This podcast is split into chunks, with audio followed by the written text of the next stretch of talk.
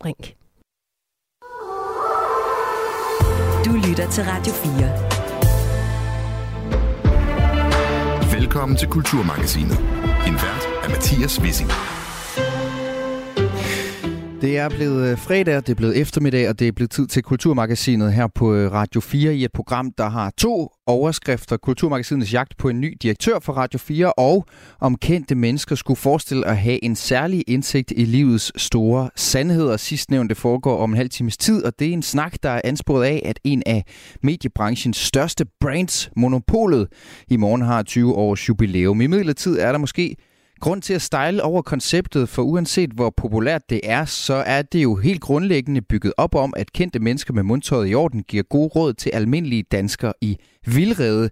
Den indbyggede præmis, der ligger i det, øh, er altså, at kendte mennesker er kvalificeret til at give gode råd alene i kraft af at være kendte. Vi forsøger at nuancere lidt med blandt andre Anders Morgenthaler, overlang monopolist om en halv times tid. Jeg hedder Mathias Wissing. Velkommen til Kulturmagasinet. Du lytter til Radio 4. Vi starter altså med, at vi her på Radio 4 som bekendt skal have en ny direktør. Den nuværende Anne-Marie Dom overtager nemlig i stedet roret hos Fregatten Jylland, hvis du forstår sådan en. Det skaber selvfølgelig et uh, tomrum på de indre linjer, den slags, og ikke mindst også på en radiostation som vores. For selvom vi jo har en konstitueret direktør, så er det meldt ud, at den kommende direktør skal være på plads ved årsskiftet. Og en af dem, der skal være med til at udpege den her nye Radio 4-direktør, hedder Bjarne Werner Munk. Og han er bestyrelsesformand og viceadministrerende direktør i Jysk Fynsk Medier, som ligesom er dem, der er tandet over Radio 4. I vores søsterprogram Missionen sagde han forleden sådan her om den profil, som de søger. Ingen tvivl om, at øh, vi vil gerne have nogen med de der, der, der, der våger sig lidt ud øh, af, af, kan man sige, den normale comfort zone. Men der er også en anden ting, som er vigtig for os, det er, at vi har et lederskab i radioen, som øh, sikrer, at øh, vi, vi øh, får, øh, får skabt motivation og engagement og ja, få skabt en, øh, en sult for at bringe de fedeste nyheder ud øh, i æderen. Og det er altså et direktørarbejde, der skal sættes i værk fra øh, årsskiftet, og det mener vi som utålmodige journalister her på Kulturmagasinet er vel længe, så derfor ringede vi rundt til en stribe mere eller mindre oplagte kandidater herunder flere af Radio 4's faste kritikere, der jo altså nu har chancen for at råde op på alt det, Radio 4 virker til at gøre forkert. Det måske allermest oplagte kandidat hedder Jakob Nybro, en mand, som er oplagt, fordi han lige er stoppet som ansvarshævende chefredaktør hos øh, Jyllandsposten, og min kollega Søren Berggren Toft fangede ham. det kan jeg sige, det er der ikke aktuelle planer om, og jeg diskuterer det heller ikke i radioen. Nå, men der findes en anden nystoppet chefredaktør i branchen. Hun hedder Pernille Holbøl og kommer fra en chefstol hos BT, og hende prøvede Søren også. Mit irriterende svar bliver, at, øh, at, øh, at den leg kommer jeg, den kommer jeg ikke til at lege. Jeg kommer ikke til at, at, at, at lege, hvad jeg fiktivt vil gøre i et eventuelt fiktivt uh, job. Altså, jeg synes, det er sjovt, men det er også useriøst. Så jeg synes uh, mega sjovt, uh, at I gør det, men jeg vil ikke... Uh, jeg, jeg vil ikke, jeg synes, det for, jeg synes alligevel, det er for uh, vigtig en ting til mm. sådan at, at lege med det, så det vil, altså, det vil være useriøst uh, for mig. Altså heller ikke umiddelbart jackpot der. Hun vil ikke være med på lejen i den her kulturmagasinets direktørjagt. Vi ringer videre til en mand, som formår at lave rav i den, og som flere gange har været ude med riven efter Radio 4, tidligere ansvarshavende chefredaktør på blandt andet Se og Hør Ekstrabladet, hvor han i sidst nævnte tilfælde sad i 278 dage, nemlig Henrik Kvartrup. det er jeg fuldt, du spørger. Er vi på, øh, optager du lige nu, eller hvad? Ja, jeg står i studiet og optager. Øh, jeg, jeg, jeg, vi er jo gået lidt på jagt. Øh, vi mangler en direktør, ja, ja, øh, og vi ja, mangler også nogle det, lyttere. Og så det, tænker jeg på, om, om det var dig, Henrik, øh, der, der tog styring på den. Ja, det er det sgu nok ikke, men jeg kan, jeg kan godt skrive under på, at I mangler nogle lyttere, og jeg synes, det er utroligt, at I ikke har nogen flere. Ja, hvad mener du med det? penge i for en af døren. altså, I, I havde alle muligheder, ikke? Øh, men, men det er da glimrende, hvis I nu om sider kan begynde at få nogle, nogle nye lyttere, det vil jeg sige, eller nogle flere lyttere. Men det er fuldt, at de tænker på, på, på mig i den sammenhæng, men jeg tror nu ikke, at det, det ligger lige på den flade. Jamen, hvor, hvorfor, hvorfor er det egentlig ikke noget for dig? Kunne det ikke være... Altså, prøv lige at tænke, hvis du bliver den, der får vendt Radio 4, så lyttertallene de bare stiger, Henrik Kvartrup. Det, kunne, det, det, er jo, det er jo til historiebøgerne. det må man sige. Det vil være en, det vil være en bedrift, øh, udover det sædvanlige. Øh, Hvad afholder dig fra ikke, altså med, med, ja, det er ikke skal den vej. Ja, det ikke den vej. Men igen, du, det er, det er sødt, at jeg har tænkt på mig, og jeg ønsker alt det bedste. Jamen, er udfordringen for stor, Henrik? Og jeg vil også spørge dig om noget andet.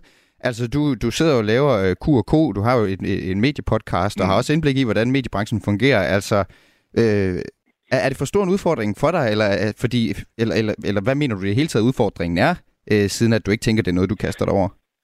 Øh, ja, men at jeg har andet at tage mig til, end at, end at bringe en, øh, en hensyn radio øh, øh, på, på, på, på fødderne igen. Så, så nej tak, øh, det er ikke mig. Men øh, jeg vil godt, øh, godt gentage det, jeg sagde lige før. Jeg synes, det er utroligt, at I ikke har nogen flere lyttere, efter at have haft så mange penge, og så efterhånden lang tid til at skabe lyttere, skaffe lyttere. Men, men det bliver ikke mig, der skal, Nej, der skal over. Men det synes, jeg, det synes jeg også er, er utroligt. Jeg har jo selvfølgelig også altså, selv nogle forskellige idéer om, øh, altså hvad, hvad det er, der skal til med. Hvad, hvad, hvorfor tror, hvad, hvad, hvad tror du, det skyldes? Altså, hvad, hvordan, hvad er dit, dit tip med indblik i branchen til, hvordan man får for lyttertallene til at stige igen for Radio 4? Jeg, jeg, mig, jeg, jeg, tror ikke, jeg tror ikke, jeg skal kaste mig ind i nogen længere analyse af det lige nu.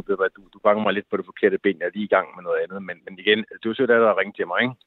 Nej, så selvom han øh, ikke ligefrem er imponeret over Radio 4, så var han alligevel ikke med på at spekulere i at anvise en vej ud af mørket for os, og ville i hvert fald øh, altså ikke være med til at tage ansvar for, for lyttertallet, som er den klare ambition for bestyrelsen, op. Øh, og jeg kan for at kvalificere udsagnet her sige, at det som Radio 4 jo bliver slået i hovedet med, er at være gået fra at have 411.000 ugentlige lyttere på FM-båndet, da vi overtog det fra det originale Radio 24 1. november 2019, til i de første måneder af 2023 at have 242.000 ugentlige lyttere. Det er fakta fra Analyseinstituttet Kantar Gallup. Det skal ses i lyset af, at jer, der lytter med, til gengæld lytter i længere tid, når I så er her, og så har vi selvfølgelig ikke engang nævnt, hvordan den her eksplosion i podcast og lydbogslytning måske måske ikke har påvirket lyttertallene. Hvad så igen ikke ændrer på Radio 4's lyttertalsambition, som er 350.000 ugentlige lyttere. For god skyld kan jeg også tage med, at at nuværende direktør Anne-Marie Dom ikke anerkender den her kritik, som vi hører fra blandt andet Kvartrup. Hun har tidligere stilfærdigt mindet om, at det tager tid at etablere sig som organisation, og at Radio 4 trods alt kun er fire år gammel, ligesom hun ikke mener, at en radiosucces alene skal måles ved at kigge på FM-båndets lyttertal. Det har læst i adresseavisen Sydjurs. Uanset hvad, så udløber sendetilladelsen her på radioen den 31. december 2027, hvilket vil sige, at vi er godt og vel halvvejs, hvis sendetilladelsen til den tid ikke bliver forlænget, ja, så bliver vi jo i princippet alle sammen fyret, inklusive en eventuel ny direktør. Men indtil da skal kanalen altså løbe rundt for plus minus 100 millioner kroner om året.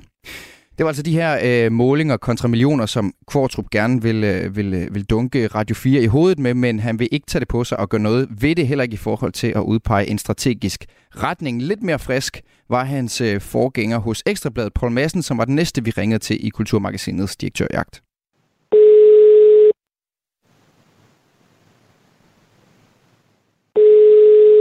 Paul. Dag Paul. Du taler med Mathias Wissing fra øh, Kulturmagasinet på Radio 4. Hold da op, kørte du ind i en tunnel, Paul, eller der var lige, der var lige et blæs på? Nej, overhovedet ikke. Er der jeg hul igennem? Op jeg står op med, ja, det er jeg står op med sommer. Jeg har ret dårlig forbindelse. Nå, øh, øh, Paul Madsen, jeg ringer til dig, fordi vi, som du måske ved, er på udkig efter øh, en ny direktør. Det har du nok opdaget. Og fordi jeg vil spørge dig, Paul Madsen, om ikke det kunne være noget for dig? Tak fordi du spørger, men øh, nej, det er det ikke. Hvorfor egentlig ikke det? Jo, men det kunne det sagtens være. Øh, jeg har bare øh, sluttet mig til, at, øh, at det, jeg skal lave noget andet end at have et fast job med en hel masse arbejde. Det kræver det jo at være direktør for radio. Mm. Men jeg hørte, altså, er, det, er der noget i det, som også er, at udfordringen er for stor? Nej, det prøv at høre. Jeg har aldrig sagt nej tak til en udfordring. Øh, og øh, jo større den er, jo bedre, synes jeg sådan set også, øh, den er. Jeg synes, der er masser af muligheder. Men vi har en stor ja. udfordring her. Ja, der er en stor udfordring. Der er også masser af muligheder, og det er sådan set... Øh... Men hvis det nu ikke er noget for dig, Paul Madsen, altså hvis du så skal give, et, øh, altså give en lille skarp analyse, du har været med i branchen i mange år, hvad er så for dig at se den største udfordring for den her radiokanal? Det er, at den er nødt til at blive noget særligt. Altså, den er nødt til at være noget, som, som danskerne synes er nødvendigt. Øh, ikke bare noget, som, som ligner så meget andet, man laver. Og man kan jo sige, at det, som øh, lykkedes for øh, 24-7, var jo særligt. Øh, og dermed så fik man også en mulighed for ligesom at gå ind øh, og blive noget for en hel masse danskere. Så det er udfordringen på 24 det er at, eller på 4, det er at finde ud af, hvordan bliver man noget særligt, noget anderledes end det, vi ellers får alle mulige andre steder. Men det er jo også ting, det, er jo ting, som ledelsen her også går og tænker over og har gjort sig nogle tanker om i forvejen, og så har det alligevel i hvert fald ikke den strategi, man så har valgt, og sådan som radioen lyder, har alligevel ikke bonget ud i lyttertal. Altså, kan du komme tættere på, hvad, hvis nu du skulle gribe fat om det, Paul, sådan, sådan et råd fra en, fra en snu rev som dig, altså, hvordan vil du så konkret implementere det på en eller anden måde? Altså, hvordan vil du arbejde med det? Ja, altså jeg vil jeg starte med at, at prøve at dyrke alt det talent, som er alle de gode mennesker, der er ansat på radioen, og øh, få de bedste idéer ud af det. Og så vil jeg lægge en overordnet ramme på det. Jeg tror, jeg, tror, jeg vil lægge samlet. Altså, du siger, øh, du siger det første er at tage fat i dem, der er der i forvejen. Det er jo faktisk ikke, det er faktisk ikke øh, helt uh, uvæsentligt i forhold til at få en ny direktør. Du vil ikke komme ind og vælte det hele. Du vil tage fat i det, der er i forvejen, og så se, hvordan vi gør det bedste med det, der er der. Ja, det vil jeg. Så vil jeg, altså, så vil jeg vil elske øh, de bedste idéer, der er nu. Øhm, altså noget af det, som jo faktisk fungerede for jeres forgænger, det var jo i høj grad ligesom at også ture ind imellem og lave nogle fejltagelser. Ikke? Altså at lade kreativiteten blomstre, og derigennem også lidt vildskaben. Ikke? Det synes jeg, man savner. Øhm, og så vil jeg, øh, altså, jeg vil, som, som sagt, så vil jeg finde ud af, hvad er det for en anderledes radio, man kan lave i Danmark, øh, som øh, kunne supplere det, vi har i forvejen. Og der vil mit bud umiddelbart vil være, at man skulle lave en tabloidradio, altså en, en radioudgave af Ekstrabladet BT i det bedste fra TV2, øhm, fordi det er det, vi ikke har. Og, og, og hvordan skulle det lyde i øh, radioen? radio? Nu er vi så lidt i en åben idéudvikling her. Altså, hvordan, øh, hvordan vil man folde det ud øh, så, som tabloid radio? Jamen, det, det, er jo, det, er jo, det er jo en tilgang til både emnerne og måden at lave journalistikken på. Altså, det vil sige, øh, man vil få øh, mere sport, mere krim, øh, mere, øh, øh, mere undersøgende journalistik. Altså, det tror jeg vil være øh, det, som, som man kunne sige var det, som danskerne mangler. Hvad med, sådan et, hvad med sådan et kulturprogram, der, der tager fat i øh, de nyeste tendenser og, og, behandler det på en øh, semi-atheistisk façon, som vi gør i Kulturmagasinet? Jamen, der er man nødt til at blive mere populær. altså, jeg har ikke noget... Jeg, jeg synes, det er fint at hende imellem at lave noget, der er smalt og lidt elitært. Det er glimrende. Men så skal det ske med et glimt i øjet, og det tror jeg sådan set også, du har. Øh, fordi du forstår godt, hvad det er, du laver. Så, så det er jo også en af, af de vigtige ting, det er, at man øh, at ens egen selvforståelse, altså at man har selvjuni med os, ikke? Så når du alligevel kommer og, som direktør her på Radio 4, eller, eller forsøger at blive det, så, så hører jeg det, som om vi laver en aftale nu om, at, at, at Kulturmagasinet ikke ryger som det første. Ja, men du på lov for det. Det er 100. øh, øh, det, jeg kan bare ikke love dig noget, for det bliver ikke mig. er lidt mere tabloidt, mener Paul Madsen. Måske ikke så overraskende for en tidligere chefredaktør på øh, Ekstrabladet. Men hvis vi alligevel skal tage hans øh, forslag seriøst, hvorfor så ikke tage fat i chefredaktøren på mediet for det excessivt tabloide Se og Hør, ham som hedder Niels Pindborg, som øh, lidt til forskel for både Paul Madsen og Henrik Kvartrup rent faktisk har lyttet til Radio 4. Der vil jeg bare sige tak, men ellers tak. Øh, jeg, jeg har jo, øh, hvad hedder det, øh, i modsætning til Radio 4 har jeg jo et øh, job, hvor jeg har publikum til det, jeg udgiver. Og øh, det, det er jeg meget, meget, meget øh, glad for. Ja, men der har, du, øhm, der har du snart været i så mange år, Niels. Er det ikke, er det ikke på tide at, at komme over til noget ja, andet? Det er rigtigt. Jeg har været der lige, jeg har været der, ja, det fantastiske vi ser og hører, det er, jeg har faktisk været der i 10 år her om uh, halvanden måneds tid, og jeg er på ingen måde træt af det. Altså, jeg har det sådan lidt, det er jo en gave i et arbejdsliv at få lov til uh, uh, i så lang en periode at, at få lov til at, at genopfinde sig selv. Men, men spøj til side, så nej, det er det ikke. Og, uh, det er det ikke af 100 årsager. Uh, en af dem er, at uh, jeg er tabloid journalist til benet. Mm. Og øh, det her med lange formater og, øh, og den slags, der mister jeg simpelthen interesse. Jeg tror måske, jeg har en, øh, en lille øh, diagnose gemt et sted. Jeg kan ikke sidde stille alt for lang tid ad gangen. Så der skal helst være noget fart på, øh, hvis det er mig, der skal, der, der skal være involveret, og der skal ske noget hele tiden. Det er i hvert fald sådan, jeg har det bedst. Og så tænker jeg, for lytternes skyld, for det var jo en vidighed det andet, øh, at øh, der, der må være nogen, der er langt bedre kvalificeret end, øh, end mig til det. Men jeg tænker, at du, øh, det er jo en oplagt chance for øh, at omdanne Radio 4 til Danmarks første tabloidradio. Det kunne man måske i virkeligheden øh, godt sige, men jeg er ikke sikker på, at Danmark er klar til, øh, til den der type radio, jeg vil lave. Altså, det, det tror jeg simpelthen ikke, at, at, at, at man vil være.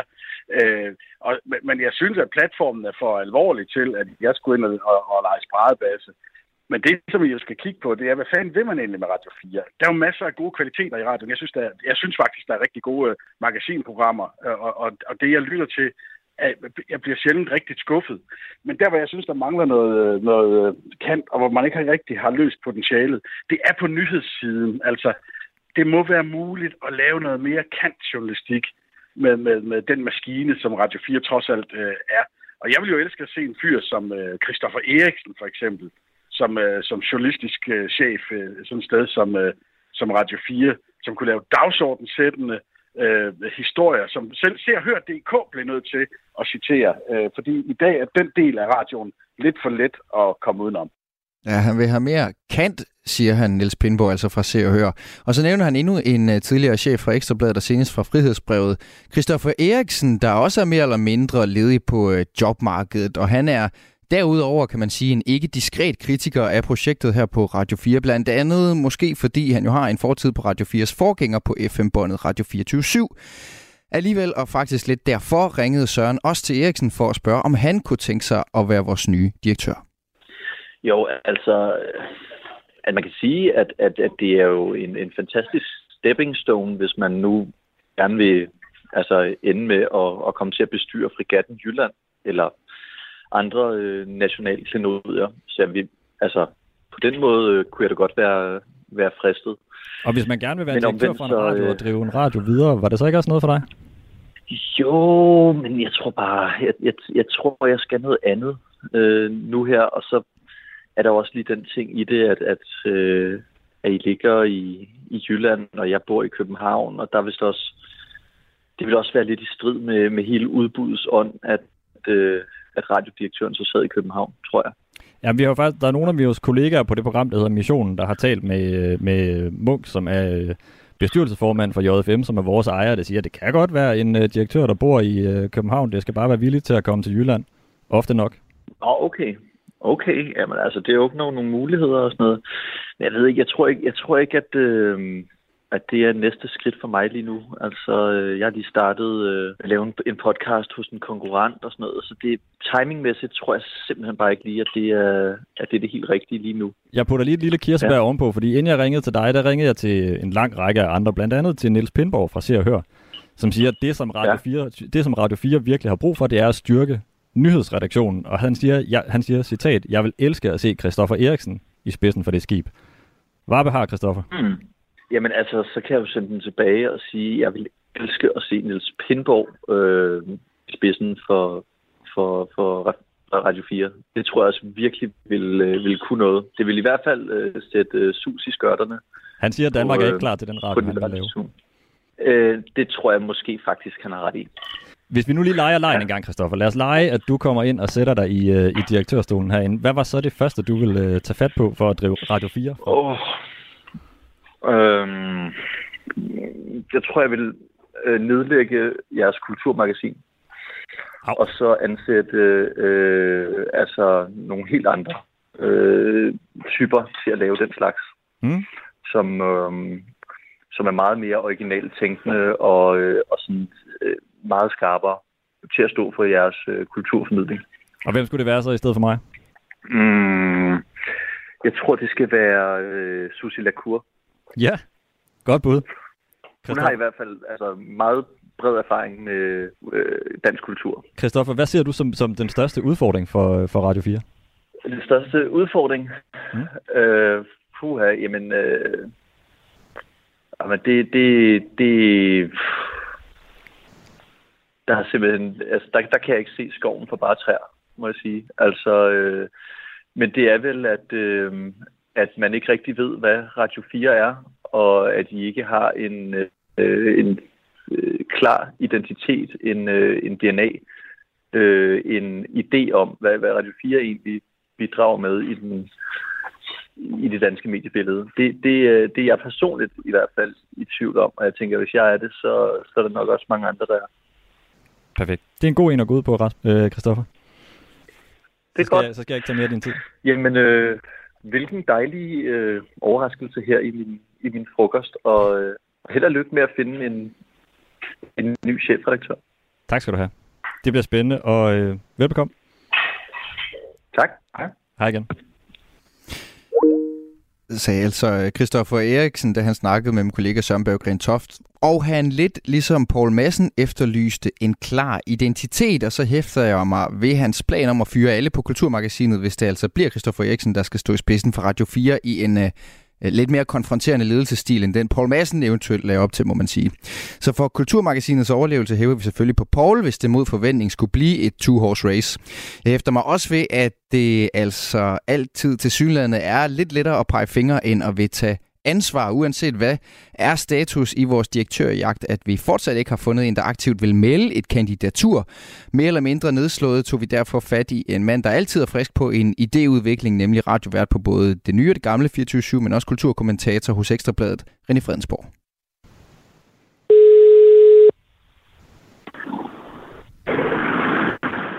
Hallo, hallo.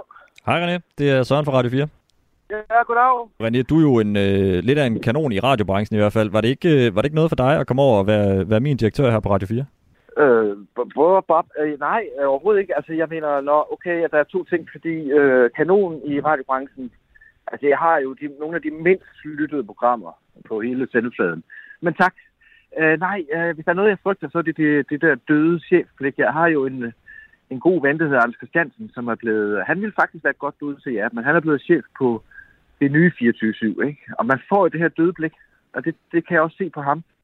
Altså det her, når øh, man, man kan vel tale om, at når alle ambitioner, øh, altså man har en masse ambitioner i sin chefjob, det har mange chefer, indtil de møder øh, virkeligheden og drukner i, i hensynet til, hvad, hvad skal man sige, øh, jurister og sure lytter og bedre vidne medieeksperter og øh, byråkratisk styrferi og sådan noget, indtil virkeligheden slår ind. Øh, prøv at tænke på at, at skulle tage sig af forkælede journalister, der ikke øh, laver andet end at kopiere hinanden og diskutere, hvem der skal sidde ved vinduet. Ikke? Altså prøv at forestille dig at have den rolle.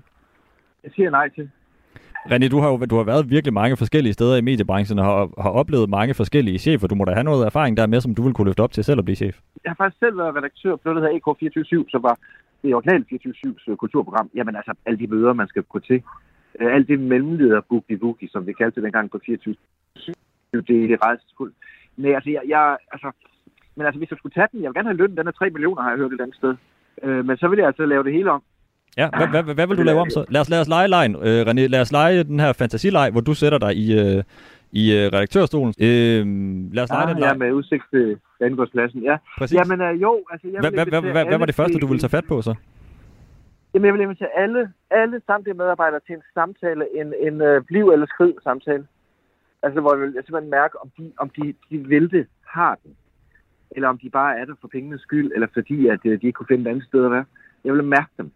Uh, og det, uh, det vil jo være en hård start, at man skal ind til en samtale, hvor man kan risikere simpelthen og, og, og skal pakke sin kontor sammen, når man er færdig. Uh, det er den ene ting. Altså, så allerede allerede her fornemmer jeg, at du vil kunne komme lidt i kambolage med, med fagforeningen.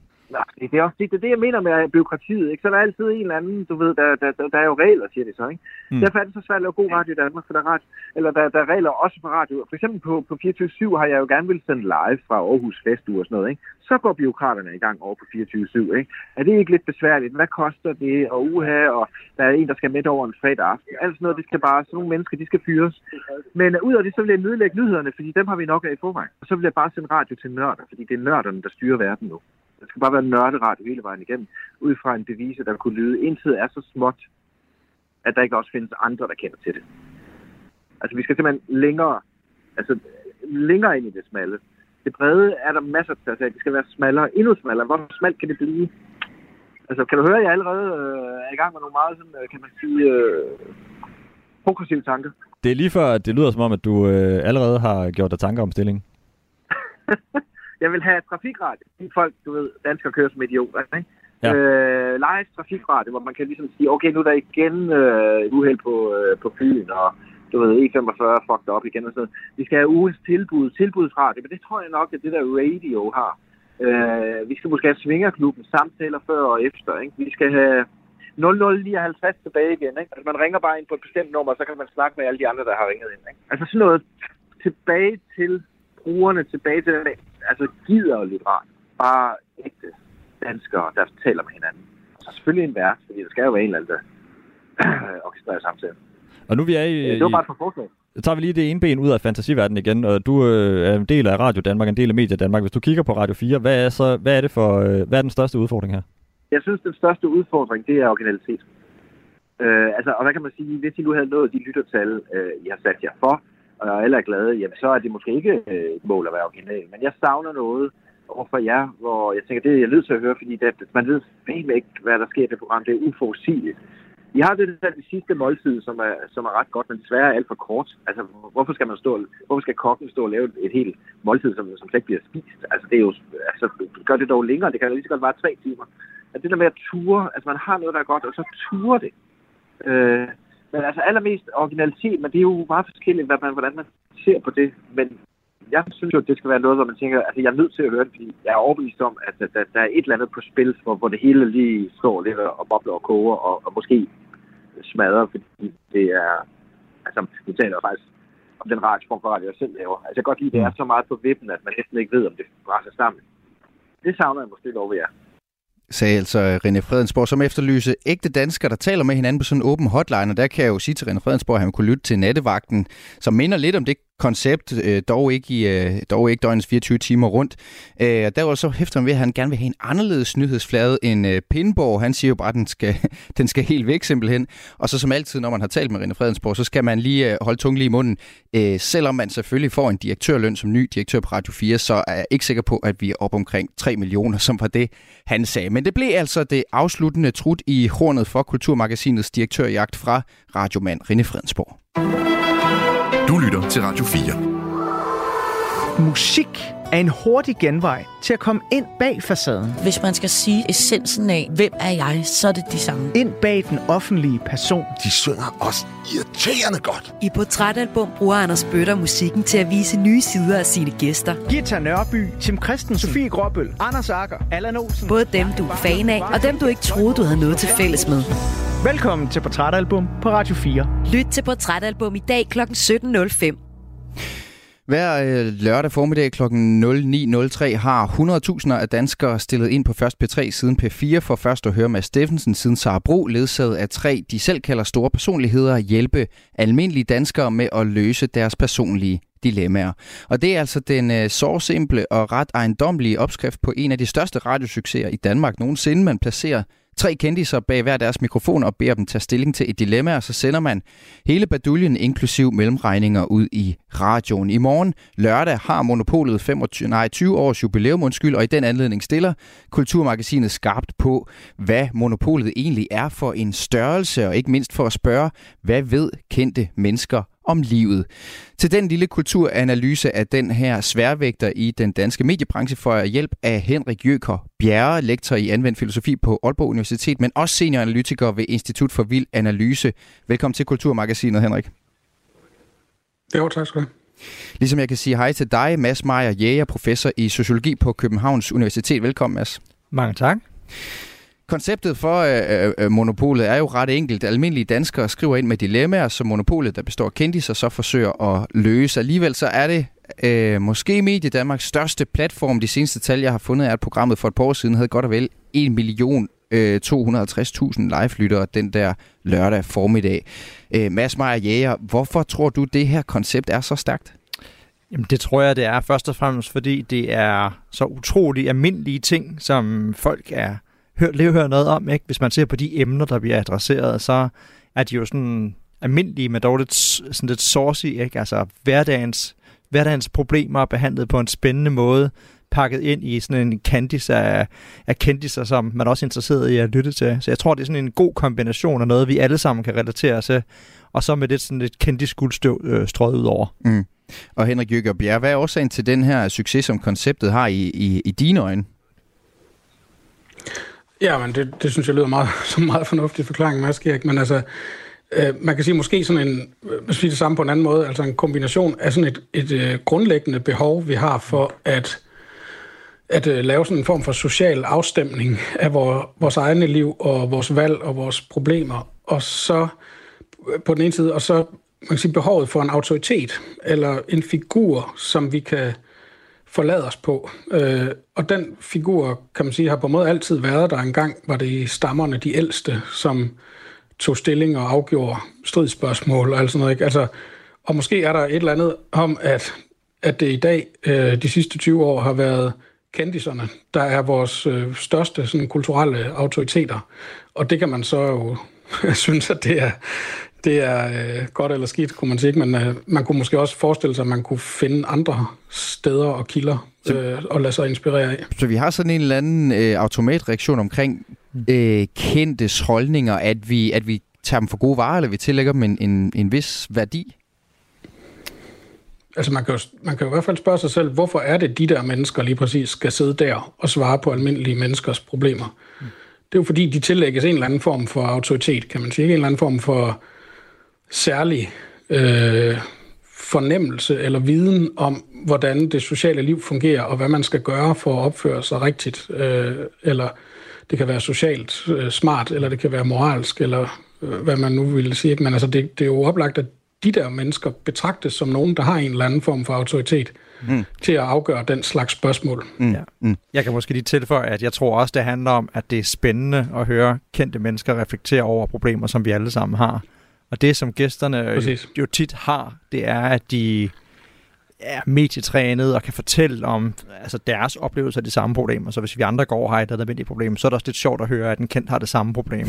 Og så kommer så der en historie om, hvordan den kendte person håndterede det problem. Og så det er jo det, der som også der blev sagt før, at det skaber sådan en connection. Ja. Og det er det, der er med til at gøre det her program meget, meget populært. Og, og monopolet er jo faktisk nærmest flettet ind som nærmest en sproglig praksis i vores hverdag. Man kan ligesom præsentere ting for, for mikromonopoler i sin omgangskreds. Man kan præ- præsentere det som et, et dilemma, om man vil sende et dilemma ind, og dermed sådan øh, by proxy diskutere sit dilemma med sine egne venner. Mm. Men hele vitsen, som de siger i Norge, er jo, at de her kendiser, som vi er, er alle vilde efter at få saftige detaljer om, samtidig fortæller historier fra deres eget liv, når de så skal give et godt råd til, til lytteren. Så der er altså et element af det tabloide også med i, i den her opskrift på en succes, Henrik Jykker Ja, helt sikkert, og man kan jo sige, at der er en, der er en dobbelt effekt, kan man sige. Den ene effekt er, at vi får en eller anden form for stjernestøv øh, over vores almindelige hverdagslige problemer, men der er jo også en effekt den anden vej af, at i selve den der praksis med at etablere sådan et, et råd af stammeældste, som udgøres af kendiser uden nogen særlige kvalifikationer, andet end netop, at de helt sikkert er øh, i det store hele øh, dygtige til at formulere sig mm. og, og øh, forklare og formidle deres tanker. Mm. Altså, men, men i den praksis, med et, hvor vi kontinuerligt etablerer dem som sådan nogle vise mennesker, der har svar på livets spørgsmål, ikke? der er vi jo også med til at præge opfattelsen af dem konkret, øh, og hæve dem op, kan man sige på en eller anden måde, ikke? men samtidig også af, hvad, hvad, hvad det, hvem det er, og hvad det er, hvor vi skal henvende os. Hvad er det, der gælder som kulturel øh, mm øh, viden mm. eller kapital, som mm. nogen ville sige. Ja, og det er interessant det der. Jeg, jeg, talte, jeg har talt før udsendelsen med monopolist gennem 17-18 år, mente han selv, da han regnede tilbage, Anders Morgenthaler, som også er tegner og filminstruktør selvfølgelig, om lige præcis det her med, øh, at, der, altså, at det er almindelige menneskers problemer, som kendte mennesker diskuterer, men dermed øh, præsenterer de kendte mennesker også sig selv som almindelige. Det er i hvert fald hans take på det. Prøv lige at høre, hvad, hvad, hvad han sagde det, man skal huske på, det er, at udover altså, kendte mennesker, de har sådan en ekstra lavkagelag på deres liv, som er, at de skal forholde sig til, at andre mennesker ved, hvem de er. De skal forholde sig til, at de kan gå ned i supermarkedet og blive genkendt. Og det er selvfølgelig en, en anden verden på en eller anden måde, men i sådan 80 procent af alle ting i monopolet, det er ligesom os. Altså, det er ligesom det, man kalder almindelige mennesker. Så forskellen på os og almindelige mennesker er meget lille. Øh, jeg oponerer faktisk mod det her med almindelige mennesker, øh, fordi de fleste af os er, du ved, der er måske en overvejende højere grad af ADHD til stede i øh, monopolet, men, øh, men øh, ellers så er vi meget, meget tæt på at være lige så neurotypisk som alle andre, ikke? Og det kan jo godt ske, at han siger det, Anders Morgenthaler, men Mads Meyer Jæger, hvorfor vil det alligevel ikke fungere med et panel, bestå, et kvalificeret panel, hvis jeg skulle sammensætte et tilsvarende bestående af en teolog, en filosof og en psykolog, som skulle diskutere præcis de samme dilemmaer, men rent faktisk give øh, råd på baggrund af noget viden jo? Jamen, det vil ganske enkelt det vil være kedeligt. Altså, det vil ikke have samme appel. Øh, nu er jeg jo selv forsker og skal, der skal tale i fagtermer og kan tage den hat på også, når det er nødvendigt, men det har jo ikke den samme sådan genreflektion af, at det er mit liv, jeg kan se spejlet ind i det her, og, og, og, og den der sourceness, der er ved, at det kendte menneskers øh, hvad det, vinkling på det her. Mm. Og det minder mig om, at der engang, jeg husker engang i 80'erne, var et tv-program, der faktisk hed Dilemma, som var ekstremt eksperttung. Og jeg husker, jeg så et afsnit som barn, hvor Gregers Dirk håndfald, tror jeg nok, havde eksperter ind, og så var det sådan noget med, der var en eksplosion på Barse. Og tv-vært. Ja, ja, der var, altså, der, der var eksplosion på Barsebæk, og så stod generalen der, og teologen, og altså alle de der, hele eliten stod der bare, og det var altså, det var røvkedeligt. det gik ikke. Nej. Henrik Jykker Bjerg, det, prøv lige, øh, hvis vi lige sådan træder skridt tilbage, er det så egentlig ikke noget forfærdeligt råd, at, at kendiser skulle forestille at vide noget særligt om livet, som de med et minimum af indblik i en brevskrivers dilemma skulle forestille at kunne rådgive? Jo, det synes jeg er det korte svar på det. Altså, altså, det er jo det, der er konceptet, ikke? Nå, og jeg vil også...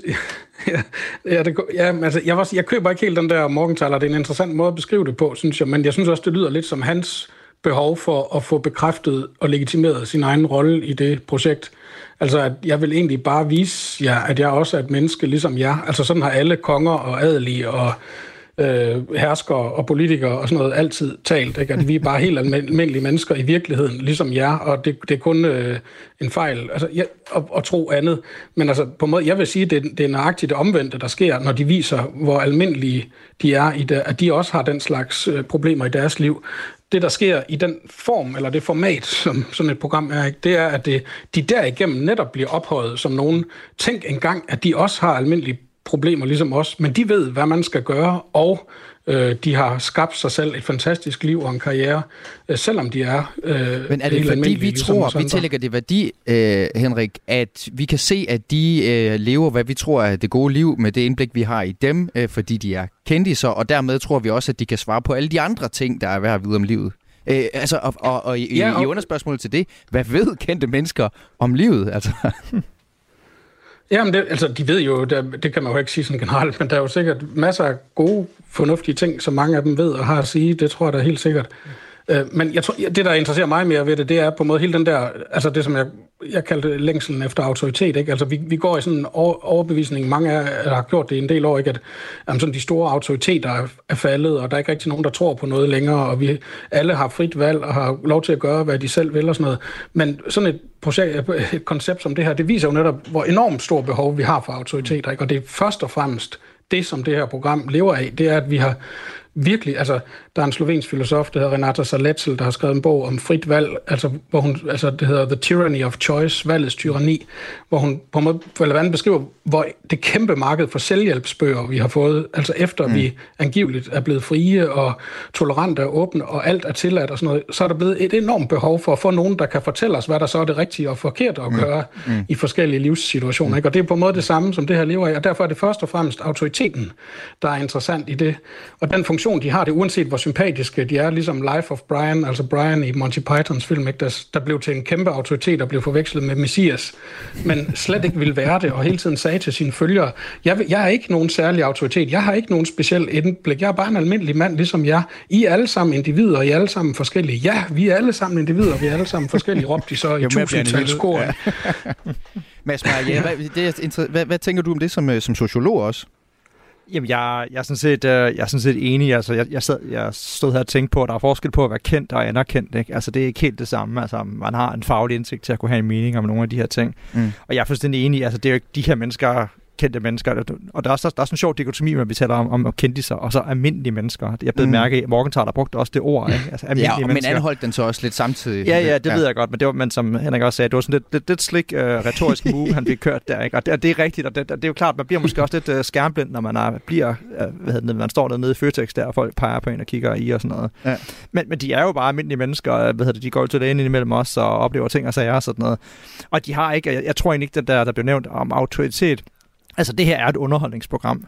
De, de her kendte har jo ikke, har ikke nogen sådan faglig autoritet, eller har nogen særlige... Altså, jeg tror primært, det handler om, at, at, at folk synes, det er sjovt og interessant. Altså, mm. det er jo ikke, fordi man... Øh, altså helbredsråd, man... Men, men det synes jeg faktisk også er spændende, det der, Mads, fordi altså, det, jeg også tænker nogle gange, når jeg hører Mads Monopolet, det er, at man, de ved jo ikke, hvem brevskriveren er. Jeg er klar over, at redaktionen har talt med brevskriveren og sikrer sig, at det ikke er en eller anden, der er fuldstændig ude i tårerne, og de tager selvfølgelig nogle forbehold. Øh, men hvis der nu er et dilemma, som, bliver, som slipper igennem, som bliver præsenteret uden de nødvendige detaljer eller nuancer, eller, eller, og jeg tænker også nogle gange, hvis jeg skulle beskrive et dilemma fra mit eget liv, vil jeg så kende mig selv godt nok til at beskrive det med de rigtige ord, og tage konteksten med, så det gav monopolet den, de nødvendige forudsætninger for at svare på dilemmaet på den bedst mulige måde. Mm. Altså, øh, kan vi ikke på en eller anden måde ind i, at hvis jeg så rent faktisk tog det her råd rigtig seriøst, mm. øh, så er vi så langt væk fra mit liv i de her mellemregninger, at at det faktisk godt kan være den forkerte, straight up forkerte beslutning, øh, jeg tager på baggrund af et råd, fordi at de ikke har forstået mit dilemma, fordi jeg ikke har kunne fortælle om det. Jo, så, øh, jo, jo, jo, selvfølgelig. Det siger sig selv, at det er, det er en meget lille udsnit af, af din virkelighed. Det er den ene ting, og den anden ting, det er også, at det, den måde, du fortæller om dit dilemma på, er jo også en selvpræsentation, ikke? Altså, hvordan vi, altså, mindre det, at du fejler et andet ganske frygteligt. Altså, mm. altså, mange af de her problemer, der bliver adresseret, er forholdsvis er almene, men også forholdsvis trivielle, ikke? Altså, mm. man har ondt, og vennerne, og hvad, hvad utroskab, og ting mm. og sager og sådan noget, mm. ikke? Så, så det er jo sådan, altså, det er jo ikke sådan, altså, jeg har en atombombe faktisk i en kuffert eller sådan noget, ikke? Mm. Så det, mm. så, altså, det er jo sådan, altså, dilemmaerne er jo nok også valgt ud for, at de har bred appel. Ikke? Altså, der, skriver sikkert, øh, der er sikkert folk, der skriver ind med alt muligt, altså andre ting, som aldrig ja. kommer igennem redaktionsprocessen, fordi de enten er for kedeligt. Ikke? Jeg ved, de elsker at være helt smalle og helt brede. Altså, ja, ja, ja, ja. ja, det giver mening, fuldstændig mening, ja. Henrik øh, Jøger Bjerre, hvis man nu som kendis en dag finder sig selv i monopolet, og det pludselig slår en, gud, min råd kan jo rent faktisk have konsekvenser ude i den virkelige verden. Hvad er så i virkeligheden for dig at se den rigtige måde at forholde sig til at være monopolist på? Men det er jo at lade være altså, Træk sig. ja, det, det, det synes jeg, der ville være det mest oplagte svar i hvert fald. Altså, øh, eller også gøre det, som... Øh, jeg har ikke hørt meget af det, må jeg indrømme, men jeg prøvede lige at høre den, det seneste program her i morges, øh, noget af det, så meget jeg kunne holde til. Altså, og jeg, selvfølgelig er der jo også, øh, igen som sagt, sympatiske mennesker og intentioner i det, hvor det rigtige i, no, i mange tilfælde, tror jeg, vil være at sige, ligesom en rigtig god brevkasseredaktør også vil gøre, ikke? at sige, det jeg synes, jeg kan høre, du siger, Mm. Øh, det tror jeg er, og jeg tror i virkeligheden godt, at du selv ved, hvad der er det rigtige at gøre i den her situation, ja. eller et eller andet i den retning. Altså prøv på at trække frem, hvad er det, du egentlig selv forsøger at mm. overbevise dig om, eller sådan noget lignende. Analytisk arbejde det synes jeg, jeg, jeg, jeg, jeg, jeg kan høre, det gør de nogle dilemma, gange. der er blevet skrevet der. Mm. Ja, fordi altså, nogle gange kan det jo være fantastisk, hvis der er nogen, der kan rive en ud af en eller anden øh, ting, man ikke man kan ikke få taget en beslutning, og så er der nogen, der siger, nu skal du fandme gøre sådan her. Det kan være, det er lige det, man har brug for, ikke? Men, men det er klart, det fører en enorm risiko med sig, at man faktisk kan gøre noget, der har ret alvorlige konsekvenser i et menneskes liv, for eksempel. Mm. Øh, mm. Så det håber jeg da i hvert fald, de er meget bevidste om, mm. dem der deltager i sådan noget. Jeg, jeg præsenterede det her, hvis du spørger mig, ret grundlæggende problem ved monopolet, altså at monopolisterne jo sidder uden øh, reel kvalifikation til at rådgive om livet bredt set for øh, Anders Morgenthaler. Han, han sagde sådan her. Vi sidder basically øh, tre øh, amatører inden for alle felter, undtagen vores eget, vi ved noget om, øh, og mener noget. Og det er også derfor, at både Mads og Sara bruger hver anden øh, sætning, i hvert fald jeg siger, nu er Anders ikke uddannet terapeut. Øh, så derfor så, øh, så er det, og det er, en ret, det er en ret vild ting, altså. Øh, så, så, så har jeg sådan en fornemmelse af, at, øh, at, øh, at der er også mange, der ligesom bare bruger det som underholdning, og derfor er der ikke, der er du ved, der er, så mange bruger det jo ikke som guideline. Ja, altså han, han tænker selv, at de fleste bruger det som underholdning, men ikke så mange, øh, altså ikke som decideret guideline. Men jeg tænker jo så stadigvæk, Mads øh, Maria, at hvis der sidder bare en lytter for hvem monopolet er et orakel, så er det jo stadig en livsverden. Altså man, man, har, man har ret stor magt over med sit råd. Ja, det er rigtigt. Det har man, og som du også siger, så er det jo et utroligt populært program. Ikke? Men jeg, jeg tænker egentlig mere som om det, at det er ikke så meget effekten af det her program handler ikke om de råd individer får, det handler om den der fælles sprog, der kommer ud af det, de der sjove vendinger, vi kan huske, og mm. det var underholdende, og de her forskellige dilemmaer, folk har, som vi kan spejle os i alle sammen. Så jeg tænker det mere som sådan et underholdningskulturprogram, end som et sådan, mm. som sådan en terapeutisk institution. Og de her folk er også meget bevidste om, at, øh, at de ikke rigtig at de ikke er eksperter. Jeg synes, altså, der bliver spurgt om, hvordan vil man selv gå til det? Jeg vil sige med ydmyghed først og fremmest. Ikke? Mm. så det tror jeg er det vigtigste. Ja. ja. Hvad tænker du, Henrik Jykke Bjerre? Fordi du, ikke, du køber måske Jamen, ikke helt det... på samme måde, at det, at det først og fremmest er underholdning, eller i hvert fald, det, jeg må, håber, at du vil medgive mig i, at det kan jo også være mere end det for nogle lyttere. Ja, helt sikkert. Nå, og jeg vil også, for det første, jeg vil sige, altså det håber jeg også, som sagt, det der med, med ydmyghed. Jeg, jeg tror, ligesom du lidt sagde før, tror jeg, at øh, det må være ekstremt svært at fastholde den ydmyghed, hvis man har siddet i overvis og er blevet behandlet som en, der har en særlig evne til at formulere og forklare komplicerede livsfilosofiske problemer. Ikke? At så blive ved med at tro på, ligesom Brian i Life of Brian, ikke? at jamen det, det er virkelig ikke mig, der er speciel. Altså, jeg forsøger bare at, at sætte nogle ord på det, som du selv er i gang med. Ikke? Altså, mm. Så jeg, og jeg synes ikke, det, jeg synes på en måde netop, at på en måde formen er det mest interessante ved det. Jeg er også enig i, at for, altså, jeg, jeg har ikke empirisk belæg for sådan at sige, at der ikke kommer nogen katastrofer ud af det. Det kan være, der gør det, men det, det lyder rigtigt, at at måske er det ikke så vigtigt, altså at måske går det ikke så galt, mm. Øh, mm. I, i de fleste tilfælde i hvert fald. Altså hvis det går rigtig galt i et tilfælde, er det jo på en måde også for meget. Ikke? Men jeg synes, jeg synes på en måde, formen er det mest interessante, ikke? at der er, det, som bliver skabt her, det er den der dybe, dybe elgamle kulturelle idé om, at der sidder nogen et sted og ved, hvordan det hele hænger sammen og fungerer. Ja. Øh, og det kan vi på en eller anden måde godt forlade os på, at det sociale er i orden, og der er nogen, der ved, hvad der er rigtigt og forkert og op og ned. Ikke? Altså selv, uanset hvad de så egentlig helt konkret rådgiver os om. Mm. Jeg, jeg, jeg har selv været øh, praktikant på P3 øh, og på Monopolet faktisk for næsten præcis 10 år siden, hvor jeg øh, en af de bedste dage i mit liv har det vist sig at være. Overhørt blærerøven, altså Mads Christensen, sige til Omar Masuk, der var debutant den dag, og nu kommer det, velkommen til kultureliten, sagde han. Det bliver ikke større, og det synes jeg jo bare var fantastisk at overhøre det der. Henrik, øh, altså hvor stor magt har monopolet øh, i, i, i, de, i, de der, i de der kamre der? Jamen, der er jo lige blevet nedsat en ny øh, magtudredningskommission, ikke? på måde, kunne man sige, måske skulle de tage masser af monopol, eller Sara og monopolet med i den udredning, ikke? og prøve på at finde ud af, hvad er det egentlig, hvor stor er den slags populære kulturelle fænomener. Ikke? Hvad er det egentlig for en slags magt, de har, og øh, hvor meget betyder det? Og det, det kan vi jo ikke lige svare på, tror jeg, så det kan være, at man skal lidt mere end mig, men altså, jeg, jeg, jeg vil være forsigtig, men jeg tror, at den måde, jeg vil svare, hvis jeg skulle sige noget til det spørgsmål, så vil det være at sige, uanset hvad det kvantitative svar vil være på det spørgsmål, så vil jeg sige, at det er for meget. altså, uanset hvor meget magt de har, så er det for meget. Mm. Altså, der kan ikke undgå at være for stor en effekt af sådan et program på, hvordan vi almindelige mennesker opfatter os selv og vores livssituation, og hvad, hvem der er autoriteter i vores samfund, og mm. hvor de har den autoritet fra. Mm.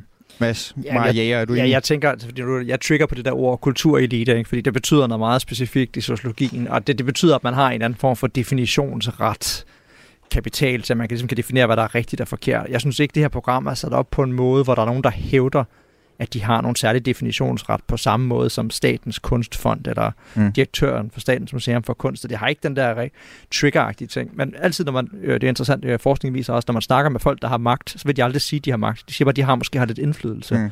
Ikke? Altså, jeg tror, så der er selvfølgelig sådan en diffusion. Altså, selvfølgelig betyder det noget fordi hvad er det den omstændighed, at der er så mange, der hører det her, interesserer sig for det. Ikke? Mm. Så selvfølgelig har det betydning, men om den er negativ eller positiv, eller det er bare sådan noget hyggebaggrund, du ved, mens man laver kaffe og tøffer rundt derhjemme og sådan noget, og så, så griner man lidt og mm. sipper på sin kaffe.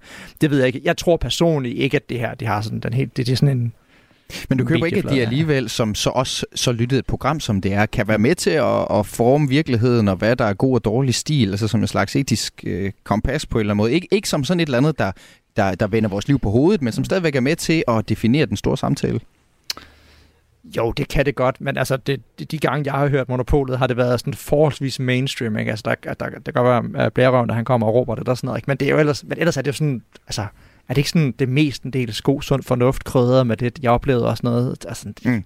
jeg, jeg, kan, jeg ved ikke, det kan være, at I har nogle eksempler på noget, hvor der er en, der påstår, at der findes rumvæsener, eller det ved, at jorden er flad, eller sådan noget. Det, det er ikke, ikke så tit, noget, man hører det i monopolet, nej. Men, nej, det, nej. men det er lidt interessant, Henrik Jørgen Bjerre, i forhold til, at der, der er måske noget om, at der er, hvad der er sådan nogle emner, som starter som, som, eller nogle holdninger, som starter med at være nogen, der hører til nogle subkulturer, som så måske får sådan et eller andet øh, blåstempel i den brede offentlighed, hvis det finder vej til at være som monopolet. Ja, det tror Nej, jeg. monopolet, godt, undskyld, det hedder Sara-monopolet, altså, men monopolet. Sara-monopolet, ja. Ja, altså jeg, jeg tænker også, at det der mainstream er nok en, en meget rigtig beskrivelse af det, ikke? Og, og det betyder flere ting. Det betyder både, at det er i en vis forstand relativt harmløst, men også, at det også er et væsentligt kulturelt udtryk for mainstream, kan man sige, for hvad, hvad der betragtes som mainstream. Altså, hvem er mainstream nok til at indgå i sådan et panel? Ikke? Vi vil jo netop ikke det vil det, måske en gang imellem, kunne jeg forestille mig, at der har været en eller anden sådan lidt vild øh, type inden, ikke? men det nytter ikke noget, vi har alt for gakkede folk inden, der, der ikke kan holde deres kæft. Altså bliver, forestil dig jeg er Hassan i sin tid, ikke? altså øh, være med i masser af monopol, det vil jo bryde fuldstændig sammen, ikke? hvis han har været en af de eksperter der. Mm. Men også, som du siger, ikke? altså hvad for nogle temaer er mainstream nok til, at vi kan tale om dem her. Det kan godt være, at det lyder lidt frægt, at nu taler vi om et seksuelt tilbud, og hvordan skal vi lige fortolke det, og skal man egentlig være åben over for at indgå i, i et biseksuelt, hvad ved jeg, eller et polyamorøst forhold, eller et eller andet, så er det et symptom på, at vores samfund er det sted, hvor det er noget, vi godt kan tale om mm. i den største, mest hyggelige, åbne, ufarlige øh, sociale sammenhænge. Men, men det og det er da interessant nok, ja, synes jeg egentlig. Ja, den, kombina- eller den pointe i kombination med øh, det skinbarlige antal lyttere, gør jo også, at altså, det er jo sådan antropologisk interessant, kan man sige. Ja, ja, ja, hvis du spørger mig, det synes jeg også, at det, det, er jo, det er jo tit sådan, at noget, der egentlig er, øh, hvad kan man sige, som man godt kan, hvad ved jeg, have alle mulige filosofiske og politiske og alle mulige intellektuelle bekymringer overfor, kan være ekstremt interessant at studere øh, som kulturelt fænomen. Altså, og det synes jeg, at det her bestemt, er, det, det siger noget om vores tid, at sådan et program er så effektivt, mm. som det er. Jeg, jeg, jeg kommer til at tænke på altid, der er sådan en berømt øh, sociologisk øh, analyse der, om det forestillede fællesskab, ikke? og det er den her det her program også med til at... Altså, det fortæller historien om, om, om vores mainstream-moral og værdier og oplevelser, det fællesskab, vi har. Og det er også med til, altså, demokratiske værdier og grænserne for dem og sådan noget. Så, der, så det er også med på samme måde, som hvad hedder det, tv-monopolet havde tilbage i tiden, hvor vi alle sammen sad og så elevatoren fredag aften eller mm. tv-avisen. Så har, det, det har lidt sådan, sådan noget samme, samme karakter. Det er med til sådan at fastholde de, de værdier, vi har, den måde, vi tænker på. Mm. Henrik Jyger Bjerre, senioranalytiker ved Institut for Vild Analyse og lektor i anvendt filosofi på Aalborg Universitet. Mads Meyer Jæger, professor i sociologi ved Københavns Universitet. Tak til begge to, fordi I var lige øh, med til at diskutere monopolet. Selv tak. Selv, selv tak. Og Monopolet fejrer jo deres øh, 20-års jubilæum på P4 i morgen med en maratonsending fra 9 til 16 med 20 dilemmaer og 20 monopolister. Heriblandt Anders Morgenthaler, som jeg afslutningsvis præsenterede en lommeteori for, nemlig at monopolet er den enestående stærkeste reklamesøjle, man som kulturpersonlighed kan stå i, hvad han gav mig ret i, men han sagde samtidig, at man altså risikerer at ryge ud på røv og albuer, hvis man ikke også rent faktisk bidrager til programmet. Dem, der deltager i det, de ved instinktivt godt, at hvis man går ind med den agenda, så, øh, så fungerer det ikke. Så bliver man for forkrampet, så bliver man, så bliver man øh, for agendadrevet. Forstår du, hvad jeg mener? Siger jeg af alle, der er agendadrevet med klima. men altså, du ved... Øh, men det, gør, det kan man ikke, synes jeg.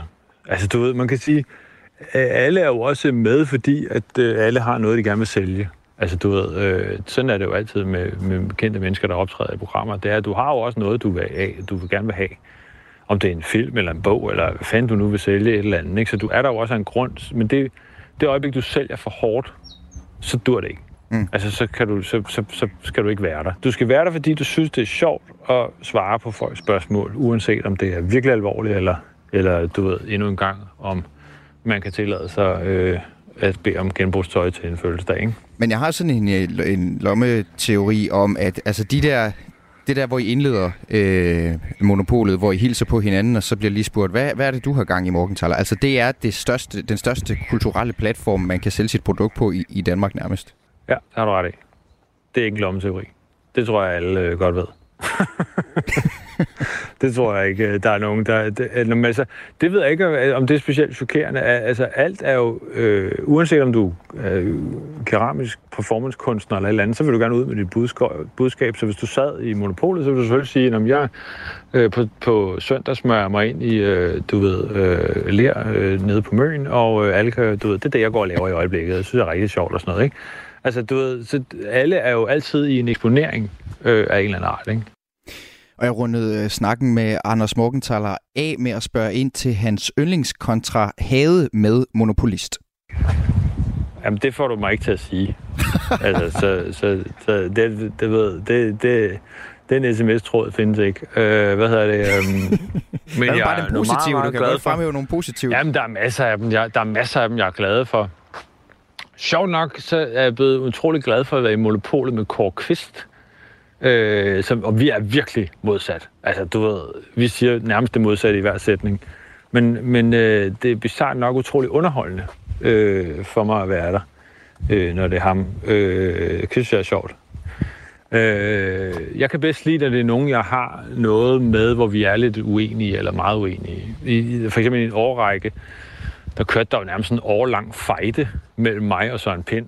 Altså, vi var, Søren Pind og mig har ikke nogen beef overhovedet, men vi var altid pisse uenige om, altså, stort set alle bogstaver i, i et spørgsmål var vi uenige om, ikke? øh, og det, det, det jeg synes Mads var utrolig underholdende. Jeg så han satte os utroligt tit sammen, og det var virkelig også virkelig sjovt. Det, det, generelt er det sådan, at hvis du er sammen med nogen, hvor man bliver for enige om noget, så er det røvsygt.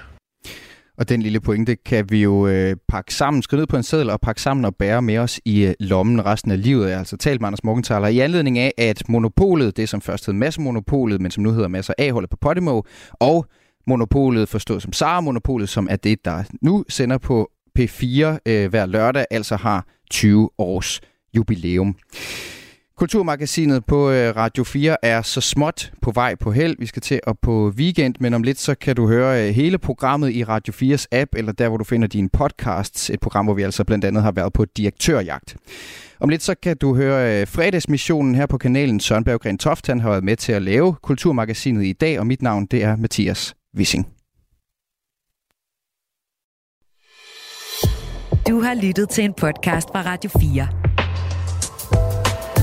Find flere episoder i vores app, eller der, hvor du lytter til podcast. Radio 4.